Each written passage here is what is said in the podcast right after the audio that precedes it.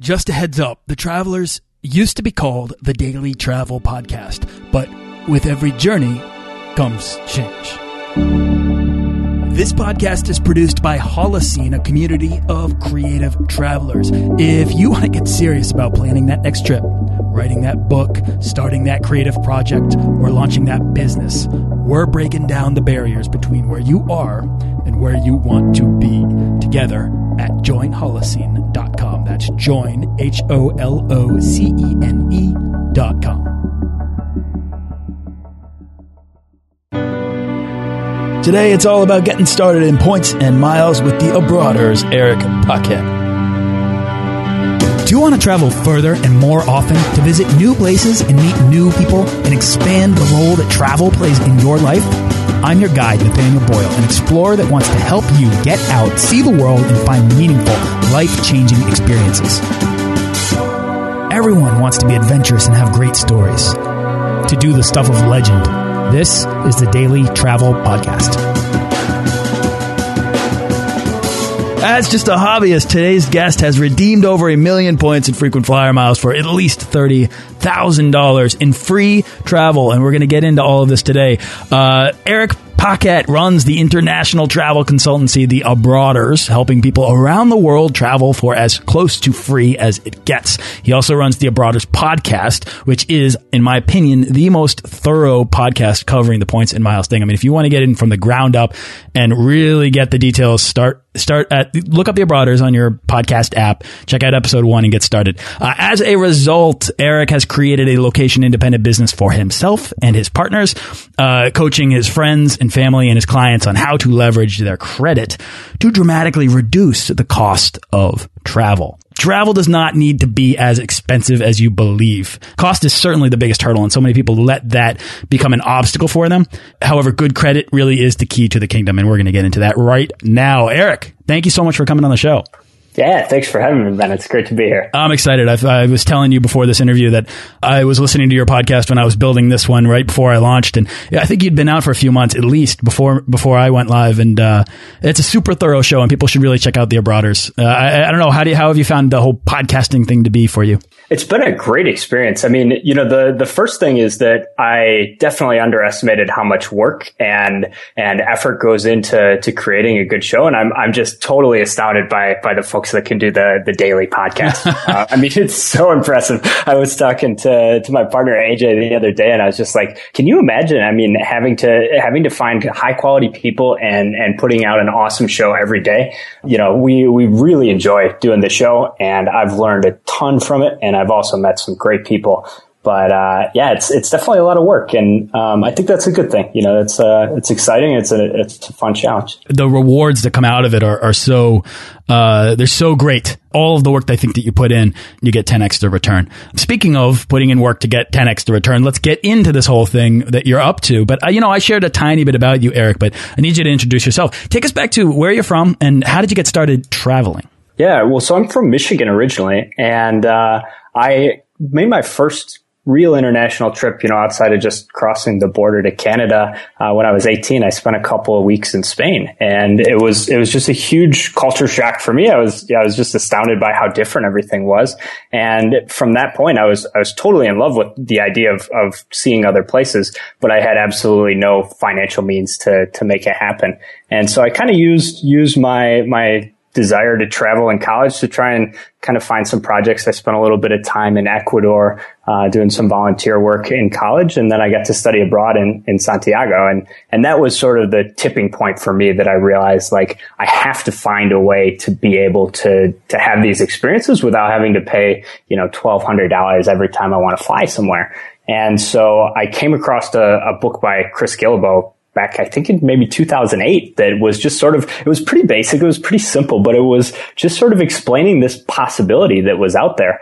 And so at that point, I just went on this deep dive. You know, I started plowing through Flyer Talk and all the forums and, and, you know, looking for blogs and seeing how much information I could find. Um, and I realized that it was possible that, you know, I got a couple of cards and I started really slow, which is something that I think is really good advice for anybody. You don't have to jump into this and sign up for 15 credit cards. You know, you want to just take it step by step. And I was able to get a really cheap flight, flight down to Brazil the following year. You know, I paid, I think about $6 in taxes and fees at that point. And that was the light bulb for me. That was like, this is amazing. Now I, the world is, is open for me. Was that flight down to Brazil on British Airways? No, the first one ah. I think was an American Airlines flight. I was taking a stab in the dark. I just remember around the time I'm going by the, the timeline that you're operating on, and I know British Airways at that time was starting to throw out those hundred thousand mile things, and and their uh, route map at the time made for really cheap redemptions to South America. Yeah, you know, that was actually my first ever business class flight and that was amazing. It was on LAN, so it was on their, their one world partner that's, uh, based out of, out of Chile, but they've, they've got, uh, other branches in a couple places in Latin America. And you're right, they had this, it was after that, that sign up where there was a hundred thousand points and I flew to New York and visited some friends and then got on, on my first flight that I was in business class. And I was just totally blown away. It just seemed so ridiculous to have like a bed and, you know, somebody bringing you champagne and all this stuff. it really there's this whole world of luxury travel that's accessible to people who have good credit and can get into this game. And I want to get into that definitely. But Eric, first I want to step back. You mentioned that you found this love of seeing other places from this trip to Spain, and I'm really curious. Like, what was it in particular that grabbed you about this trip? What did you where did you go and what did you find in Spain that you fell in love with? It's it's interesting because what what I did on the, it was a trip with my dad, so it was kind of like a, a graduation present from high school. Yeah. And we went to we stopped in Barcelona, Madrid, San Sebastian, Ibiza, Valencia, and, and Granada. So we went to all these different places, so and it was like a, a whirlwind travel. You know, it was only a couple of weeks, mm. and so we were just a couple of days. And that's now that I've I've traveled more, I I hate doing that. You know, I, it's it's so difficult to to really get to know a place by, by just spending a few days in each spot. But the takeaway that I had was that I just saw that even within one country, there was so much diversity. There was so many, there's, you know, the difference between Barcelona and the south of Spain is huge. And so, um, I, I just was completely enamored with the idea of, of how much was out there to discover and how limited my scope had been just kind of sitting around in Michigan. And so that was, that was the turning point for me that I, I just started to, to fantasize about all the other places in the world that I could only imagine what those would be like. Uh, and I also really, really loved the idea of, of language. You know, I had studied Spanish in high school and learned pretty much nothing. And, you know, I got to Spain and I didn't understand anything. I was like, wait a minute, I did four years of this and like nothing makes sense. I'm not, I'm not communicating. So I also realized that there were, there were some incredible learning opportunities there.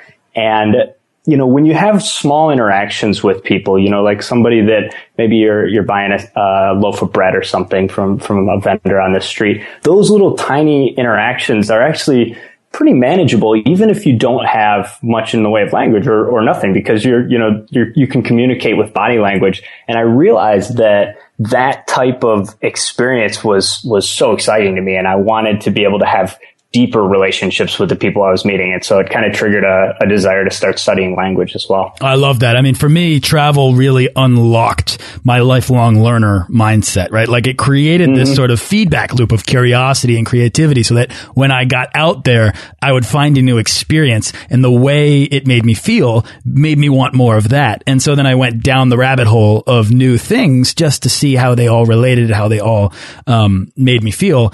And I think nowadays I'm a lot more likely to be curious and to learn and to pick up a book or to, to explore an idea than I was when I was a kid before. I mean, I traveled a, a, lot growing up, but not enough, not independently, not in this, not in this sort of freeway. And I think that, that independent travel really does it challenges you so that you get home and you say okay well what what else can i do? What else can i learn? How can i take what i've this, this knowledge that i have learned on the road that most people back home don't have and leverage that in some way to make myself more interesting more informed or uh, more successful? Yeah absolutely. And i think that you know you also you bring things back with you that without even intending to you're you're sharing with the other people the other folks that you're connected with in your life. And so the more that you travel, sort of the more you have uh, a broader perspective, but also the more opportunity you, you have to connect with other people that have been to different places and had similar really powerful transformations triggered by, by travel or by, by learning experiences. Yeah. Now you mentioned it was only like a few weeks and it was a trip with your father and it was, uh, you know, like it was, it sounded like it was almost like a, a very temporary trip, like maybe like a lot of people might have in their lives, right? Like not everybody goes and creates for themselves these big independent trips, these around the world gap years, or even a location independent lifestyle. This was a normal trip. And I think that the point I really want to pull out of this is that it doesn't matter how you start, but the way that you open your mind and maybe your heart a little, right? To let that travel impact you in the way that you need for it to do. And for you, it did. You know, I mean, whether or not that was conscious, you got back and you said, there was this way that I felt out there and I want more of that. Absolutely. Love that. So take me then on the journey between that point and the point where you're at today with Abroaders, becoming obsessed with this, learning from uh, Chris Guillebeau and from Flyer Talk and from all of these resources that if you're into travel hacking, sound familiar. If not, they might be new. But take me to this point where you said, that the abroaders and starting a company around this idea became a possibility? I think the the first thing that I, I did after school was I, I knew that I could travel if I if I saved up some money, and I knew that it would be a little bit cheaper with the flights. I could kind of take care of that with points, and so I started out just working really hard and then going to travel and, and making the money last as long as I could and then going back and, and kind of repeating. And I realized pretty quickly, you know, that that was not going to be sustainable and I was never going to be happy doing that where I was just kind of jumping back and forth to a life that kind of sucked to and then going to try and have these awesome experiences. And so in 2011, I took a three month trip with a, with a friend and one of my, my now business partner was working this absolutely miserable job and, and he couldn't go on the trip. So we, we invited him. We're like, man, quit your job. Your job sucks. He's like, man, I can't. And so we, we, we took off and went to South America and we finally got him to, to take like two weeks to come meet us in, in Buenos Aires. And I think at the time he was, he was like working for one of the big tobacco companies and, you know, just like the, the epitome of that soul crushing job. And uh, he got down to, to Buenos Aires and he had like been so stressed out, you know, like trying to wrap up stuff with work that he, he didn't even remember his luggage. He, he left everything. What? He showed up. Yeah. He's like, I had like my bag in my trunk. You know, I, I brought it to the airport, but I left it at the parking. I've never and, heard of that. That's amazing. And so he showed up with just like a, a briefcase. You know, he had like his laptop, but no clothing, no toiletries, nothing. And you know, so he gets gets into the hostel, and we're like, "Where's your stuff, man?" And he's like, "Yeah, don't worry about it. I'm just, I'm past it. We'll we'll get some more."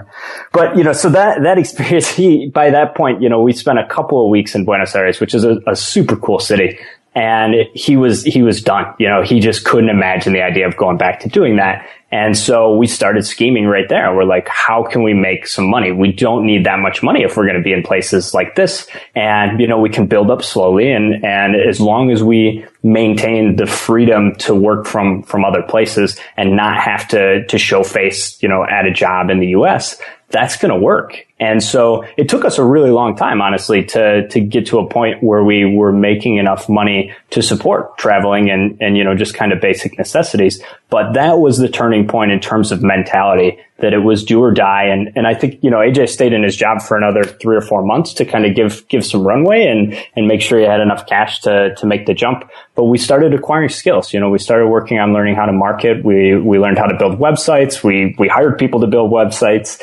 And, uh, it was a really cool experience because it was just driven by that desire to build something that set me free. Mm, I think that's really important. And another thing I want to pull out of what you just said is that you built this thing. This idea was spawned from someone that you that you liked, right? That you cared about, demonstrating this really obvious pain point in their lives, right? That that the stress uh, uh, of life uh, to to earn and to make all this money so that we can afford all of the things that we believe that we need to be able to afford uh, that was wearing on somebody that you knew so much that you felt compelled to start a business that actually addresses that problem.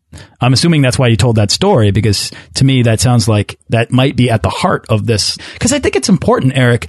One thing I've noticed from doing this show and from talking to people who have sent me messages is that it's really important to fall in love with the person that you're trying to help, right? It's really important to have this audience that is struggling with something uh, with a problem that they want to solve. For me, that problem, I think, is this urgent need to see the world and to express ourselves in some way that, that lasts and matters. And, and it sounds like for you, it's like providing this opportunity for people to do the things that they dream to do, but that they, they don't believe that they can afford to.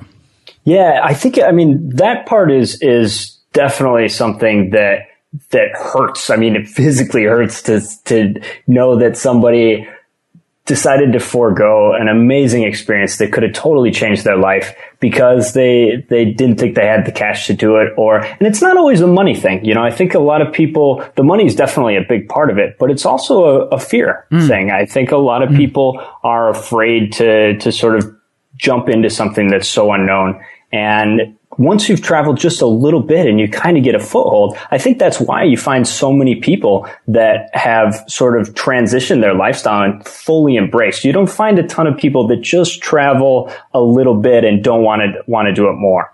Um, and so I think that when you when you when you solve that problem of being able to either if it's a money problem or it's a problem with your time where you've got a job that you, you can't get away from or whatever it is as soon as you have that opportunity to to break free that makes a huge difference. And we're we're just so happy to to help people achieve that in in whatever way they you know they're they're needing to do so. Yeah, well, uh, let's attempt to solve that problem, or at least begin to. Uh, for anybody that's listening here and that's interested about getting involved in in the world of frequent flyer miles points, uh, traveling for as close to free as possible, which is what I always say because it's true. I don't I don't think there's any better way to overcome that hurdle of cost. Yeah, absolutely. So, how do you recommend people begin to uh, begin to start? Well, I think there, there's a couple of basic things that, that you want to keep in mind with this. First of all, as you mentioned at the top of the show, your credit is a huge asset. And so it's really, really important that you, you approach this in a way that's sustainable and that you take a couple of basic steps to, to keep track of your credit, to monitor your credit and know what it is when you're starting out so that you don't end up either, you know, it's, it's actually really rare if you do things right to, to damage your credit. Um, but you do want to keep tabs on it. And so one of the, the resources that I, I recommend to people is, is Credit Karma.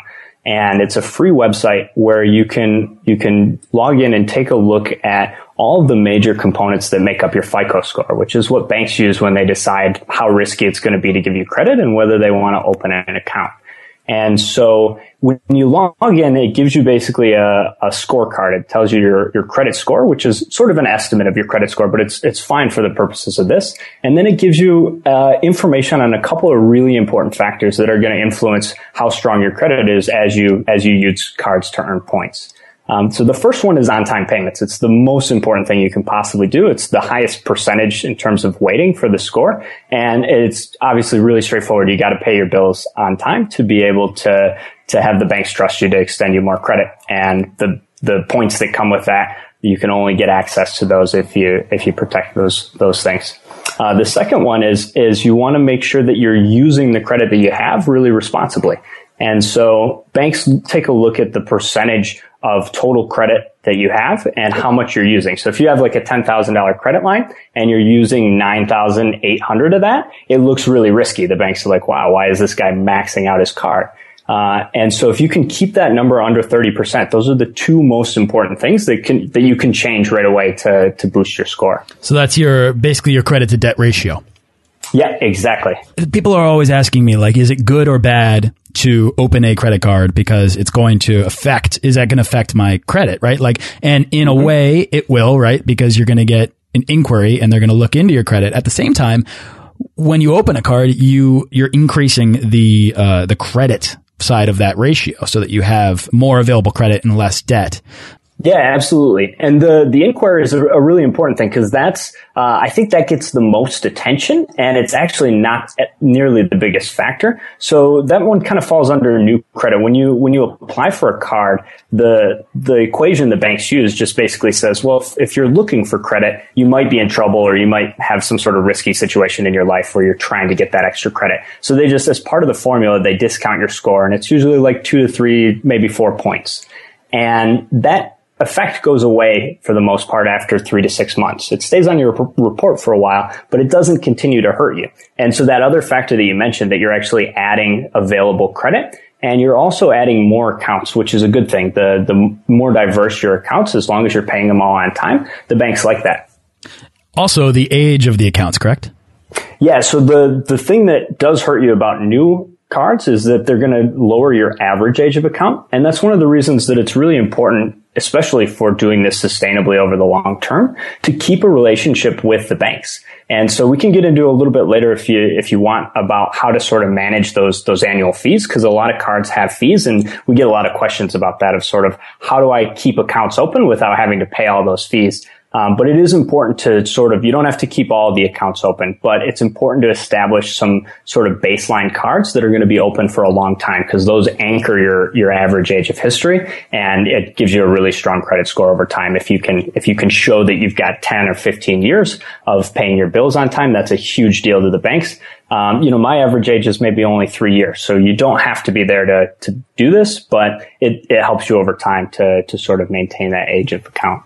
So I'm seeing that what you're saying right out of the gates is understanding and protecting your credit score is like step one, like really getting a good understanding of what it is, how it works, and uh, uh, then being responsible with it, right? So let me let me break down what you said real quick. That the best way to to check it is to use Credit Karma because that's free. It's simple. It'll give you a score. The best overall score to follow is the FICO, and that's better than Experian or any of the other uh, credit scores because FICO is the one that the banks use. That's the one that they're they're looking at to to determine whether or not you will be approved for your next account. Right.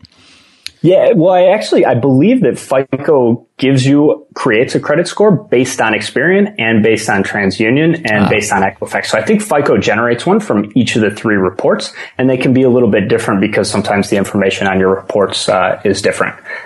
That's great. I didn't know that. That's amazing. So, and then establishing systems of monitoring your credit your credit score, which you can be do through Credit Karma and then it sounds like the, the final one is just be responsible with it. Make your payments on time. Watch what you're doing. Don't open up too many accounts. Well, I, I think the one thing to the, the big thing to keep in mind here is that you have to make sure that you're paying your full balance every month this is not something that, that pays off or gives you a, return over the long run if you're running a balance and, and subject to like 20 or 30% interest rates. And so you got to make sure like that's, that's step one is you got to know that you can be responsible with the credit you have because otherwise it's easy to get into really big trouble with that. And that's part of why the opportunity exists. It's, it's a little bit unfortunate in a lot of ways, but the banks are, are sort of making a, a calculation that a certain number of people will, will still pay on time, but will eventually end up paying them a lot of money in interest. And that's part of the reason why they're so willing to give away these huge bonuses of points to acquire new customers. Now, their total goal is to acquire reliable customers they're going to pay and just spend money on their cards for, for the rest of their, their life. Um, and so that's sort of the bank's incentive set, right? They want to acquire you as a customer. And so they're willing to give away these huge bonuses of 50,000 or 75,000 or 100,000 frequent flyer points. And those points can be used for a couple of round trips in a lot of cases to almost anywhere in the world. And so that's what the, the upside of, of getting into this. So if you get a couple of new cards, you can set yourself up to basically be paying maybe 100 to 150 bucks in taxes and fees for a flight anywhere you want. And so that's why it's worth it. You know, it's totally worth uh, taking the time, making sure you understand your credit, and then jumping in and, and finding a couple of credit card offers that can help you get your first trip. Love this. Now, through Abroaders, because all of this is so very personal, right? Like a lot of people, uh, I had a friend reach out to me the other day. He called me up. He said, Nathaniel, how, like, what card should I get if all I want to do is fly to these three places with four people in my family every year? And that's all I want to do. He's like, I don't want to go abroad. I don't want to travel mm -hmm. very far, but I also don't want to be paying thousands of dollars for this travel every year. And I'm guessing that's where the Abroaders, something like that comes in. It's to really personalize the, the process. Yeah, that's that's absolutely what we're what we're doing, and it does take a. It, the problem is that there's a learning curve to it. You know, there's there's a lot of different. There's tons of airlines out there, and there's quite a few. Almost all of them have their own loyalty program where they've they've got a certain uh, currency of points that you can use to redeem for flights. And so, being able to find the right type of points if you really want to be specific about it, it can be complicated because, you know, there's some that are a little bit cheaper, or a little bit more expensive, but it's not really relevant for the beginner. There's, there's some basic, um, cards that are, are really good to sign up for. If, if you're looking to just get started, I think right now the, the most valuable opportunities are Chase has a couple of cards that offer ultimate reward points, mm-hmm. which can be transferred to United and Southwest and British Airways and a couple other airlines. And so those are super flexible. They give you more options than just a, a card that's one type of points. And the other two that are really useful are, are United and American, just because, especially if you're US based, uh, they have a ton of routes and they're in two different alliances. So they've got different partner airlines, which gives you way more options when you actually want to travel. So if you're just starting out, focus on earning some American miles, some, some, uh, United miles and some Chase Ultimate Rewards points. And that's a, that's a really good place to start. You're, you're going to be it's going to be really hard not to be able to get a trip if you've got some of each of those points. Absolutely. You know, I got into it with American Miles and I felt that the redemption system through American was so easy to understand and it was so easy for me to break down that it really took the pain out of redeeming, which is a whole it's like a whole I, I, mean i've got a i've got a book on my website that helps people get started in this. And um and I, the entire third section is like redemptions because that's a massive thing. People want to make sure they're getting good value. People want to make sure that they're doing it correctly that they're not getting gypped. Um and, and, it gets so complicated when you start talking about transferring points and um, you know because you can you might have to transfer your points to an airline in which case you can't get them back uh, mm -hmm. and you know you might put a flight on hold or might not be able to put a flight on. I mean there's so much to it. That's a really good point. I'm glad you brought that up too because i think that the a lot of people really don't like the banks are trying to set this up in a way that you're you're not getting the most value, right? They want to make the the easiest ways the ones that are not costing them as much money. And so right. one of the things is like like you said, some of these points can transfer to different airline partners. And a lot of those type of points, the the Chase Ultimate Rewards ones that I talked about a second ago, they sort of have a, a really easy, really obvious thing on the website where you can just exchange your points for one cent a point and get cash back from your ticket. So if you buy a $500 ticket, you can burn burn, you know, 50,000 points and you can, you can get that, that wiped out. But it's a really bad deal because if you transfer those points to United, you can probably get two and a half or three cents a point in coach and, you know, as much as four or five in, in business class. So it does pay to, to just do a little research. And if you don't have time to do it, check out a booking service. There's a, there's a ton of booking services out there. We, we offer that, but there's, there's also a whole bunch of them on the, on the internet that are, you know, I can give you some, some links for the show notes to check out. And if you're, if you're stuck, you know, reach out to us and, and we can help you kind of find what, what the options are and, and just make sure that you don't make a mistake and, and waste a ton of points. So let me pull out two numbers there. One is that you said two and a half to three cents. That sounds like the, the target redemption value that you recommend people try to find. Um, mm -hmm. and then figuring out how to do that. I mean, you can check on my, on my, on my book on my website, or you can go over to the Abroaders and probably just tweet at Eric. I mean, I'm sure that you could, you, you'd be able to respond to anybody that wanted to know how to calculate these values. Um, but it's quite simple. I mean, you really, you look at the, um, the, the, the price of the ticket up against how many, how many points you're, you're doing and it's division there. Um, and then the other point I wanted, the other number I wanted to pull out was one that we didn't actually talk about yet. And that's taking this a step back to credit score. What is the number if people are looking on credit karma? What is the number that, uh, people are, should be, should be looking for that you recommend?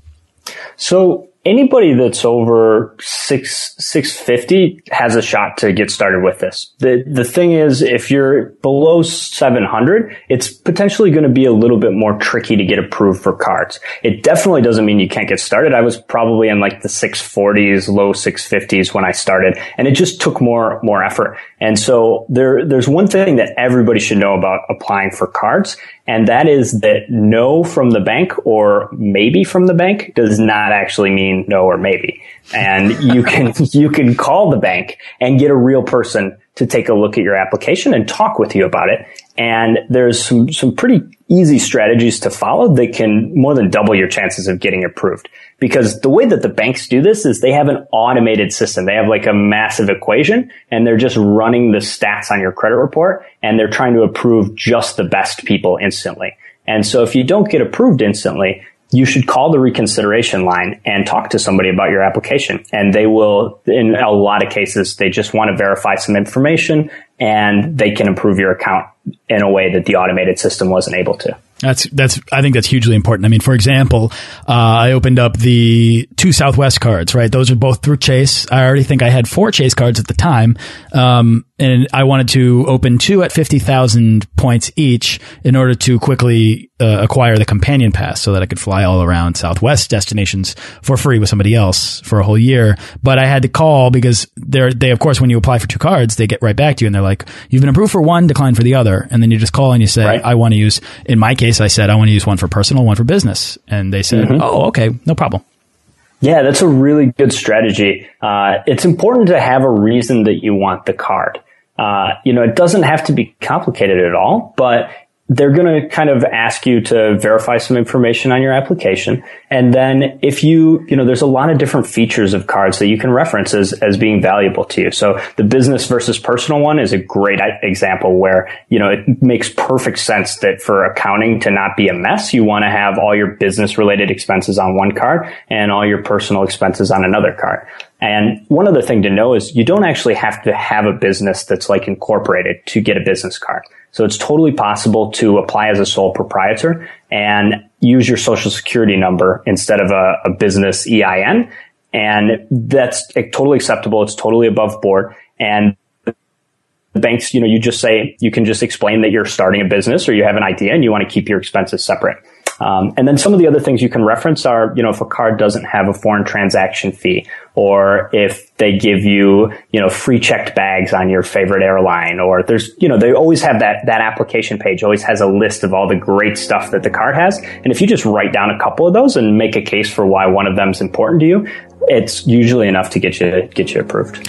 Eric, is your you mentioned that you got into this with around a like a mid 600, 640, 650 credit score. Is your credit score better now today? Yeah, a lot better. I think yeah, that's a really I'm, important takeaway.